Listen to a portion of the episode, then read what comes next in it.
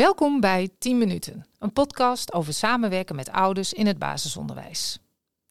Deze eerste aflevering gaat over de complexiteit van samenwerken met ouders. Als je die complexiteit namelijk in beeld hebt, dan krijg je er meer grip op. In de wetenschappelijke literatuur zijn er vijf redenen te vinden voor die complexiteit. Ten eerste is het beroep relationeel. Jij bent als leerkracht geen robot. Je bent niet een robot die kennis opdreunt, waarna de leerlingen die kennis allemaal opslurpen. Nee, jij bent een mens. Stel je maar eens voor, je staat voor de klas en je geeft complimenten, je wijst eens een kind terecht, je lost een ruzie op, je moedigt een leerling aan. Dan spelen er waarden mee. En dan zit je meteen op het terrein van de opvoeding. En daar zit de ouder ook met zijn waarden. In 2015 sprak ik een boel leerkrachten over samenwerken met ouders. En het viel me op dat ze het vooral spannend vonden om met ouders in gesprek te gaan als het over opvoeden moest gaan. Dus als het aan waarden raakte. Stel je voor, hè, um, er is een leerling in je klas met overgewicht en die heeft in die broodbak elke keer maar weer die ongezonde dingen. Dan kan het zijn dat je denkt, ik moet toch dat gesprek met die ouders aangaan. En dat vindt een leerkracht best wel eens lastig. Of op school zijn er uh, afspraken over het oplossen van conflicten met woorden. Hè. We slaan elkaar natuurlijk niet. Um, en thuis zegt een ouder tegen een kind: Nou, sla er maar eens op hoor. En ga daar dan maar eens het gesprek over aan. Dat waren de gesprekken waarvan leerkrachten zeiden: Dat vind ik ingewikkeld. Daar gaat het over waarden. En dan zit je in de complexiteit. Daarmee komen we ook meteen bij de tweede complexiteit. Dat leerkrachten vaste overtuigingen kunnen hebben van wat goed opvoeden eigenlijk is. En wat goede kindontwikkeling eigenlijk is. En dat zien we in onze hele samenleving eigenlijk terug. Er is inmiddels zoveel kennis vanuit de ontwikkelingspsychologie dat we beelden hebben van wat nou de ideale ontwikkelstappen zijn van een kind. Hè? Wat moet hij allemaal doorlopen aan stappen? En welk ideale gedrag van de ouder hoort daar eigenlijk bij? Zo zie je dat we ouders een beetje zijn gaan zien als een instrument in de ontwikkeling van het kind. De ouder moet zich op een bepaalde manier gedragen, zodat het kind zich op de beste manier kan ontwikkelen. Daar horen dus vastomlijnde beelden bij van wat goed opvoeden is. En dat terwijl er een enorme diversiteit aan ouders jouw school binnenkomt. Een voorbeeld daarvan is, hè, ik kwam een keer een leerkracht uh, tegen en die uh, vertelde dat ze een kleutertje in haar klas had na de zomervakantie. En die viel stevast meteen de eerste minuten al in slaap op zijn stoeltje. Nou, dat gebeurde een paar keer. En uh, ja, toen dacht ik, ik moet hier toch wel wat mee richting die ouders. Dus ze nodigden de ouders uit uh, op gesprek. En het waren ouders uit Midden-Afrika, nog niet zo lang in Nederland.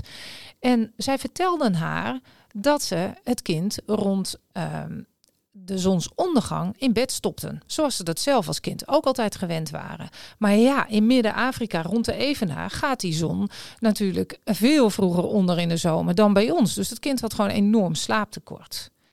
Dan zie je dat er soms hele uh, logische verklaringen zijn voor wat jij in eerste instantie als heel vreemd uh, gedrag uh, interpreteert. Hè? Een derde complexiteit die we in de literatuur tegenkomen is dat ouders en leerkrachten de neiging hebben om lang te zwijgen over kwesties die ze ingewikkeld vinden. Dan gaat het over kwesties die raken aan opvoeding en waar waarden en overtuigingen meespelen. Nou, daar had ik het bij de eerste complexiteit ook al over. Hè? En die spelen eigenlijk vaker mee dan je denkt. Hè? Ook bij situaties die op het eerste gezicht alleen maar over leren gaan, zoals meer lezen thuis of meer geconcentreerd werken in de klas, kunnen waarden meespelen. Bijvoorbeeld, hè, uh, een leerkracht kan best denken: jeetje, nou vraagt die ouder om meer huiswerk, maar ik vind eigenlijk dat het kind hoort te spelen. Of uh, een moeder denkt: mijn kind moet al zoveel, ik vind eigenlijk vrijheid in opvoeding heel belangrijk.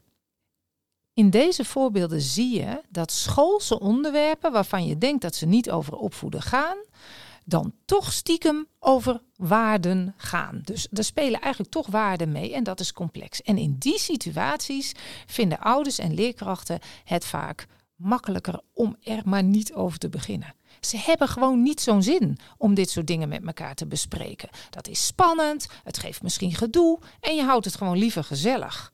Dus het vermijden van die ingewikkelde gesprekken zien we aan beide kanten. En als je niet oppast, bouwt het dan onnodig op tot iets groots.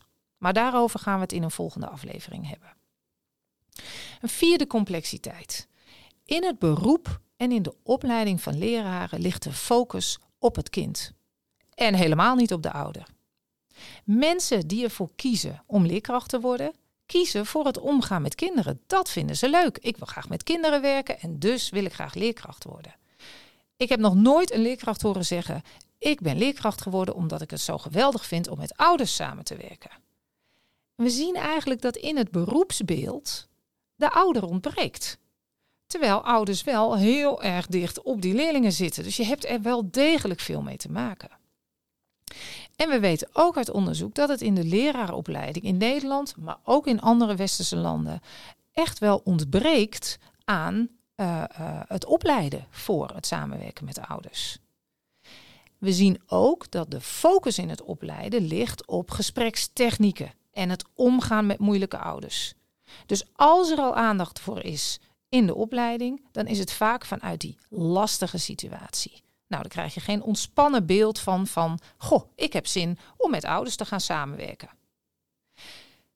En dan komen we bij de vijfde complexiteit. Um, jij bent als leerkracht uh, niet gelijk aan de ouder. En het klinkt een beetje onaardig, maar dat is zo, want jij bent de professional en de ouder niet.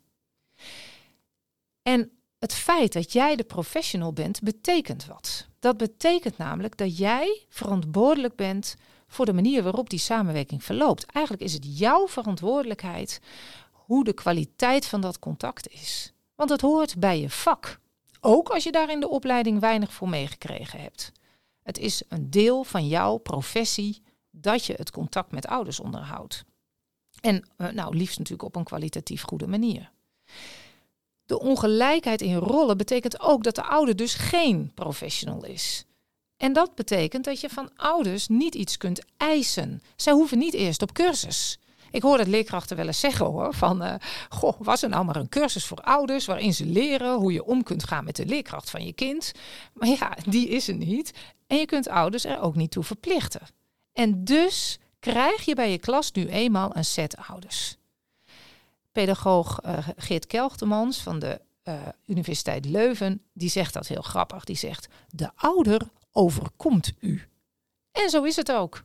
En de kunst is dat jij met al die ouders moet kunnen omgaan. Een weg moet kunnen vinden met al die verschillende mensen. En dat maakt het complex. Hiermee zijn we aan het einde van deze aflevering gekomen. Um, als je meer wilt weten over deze complexiteit, kun je verder lezen op de show notes. En eh, ik ontmoet je graag bij de volgende aflevering van 10 minuten. Dag!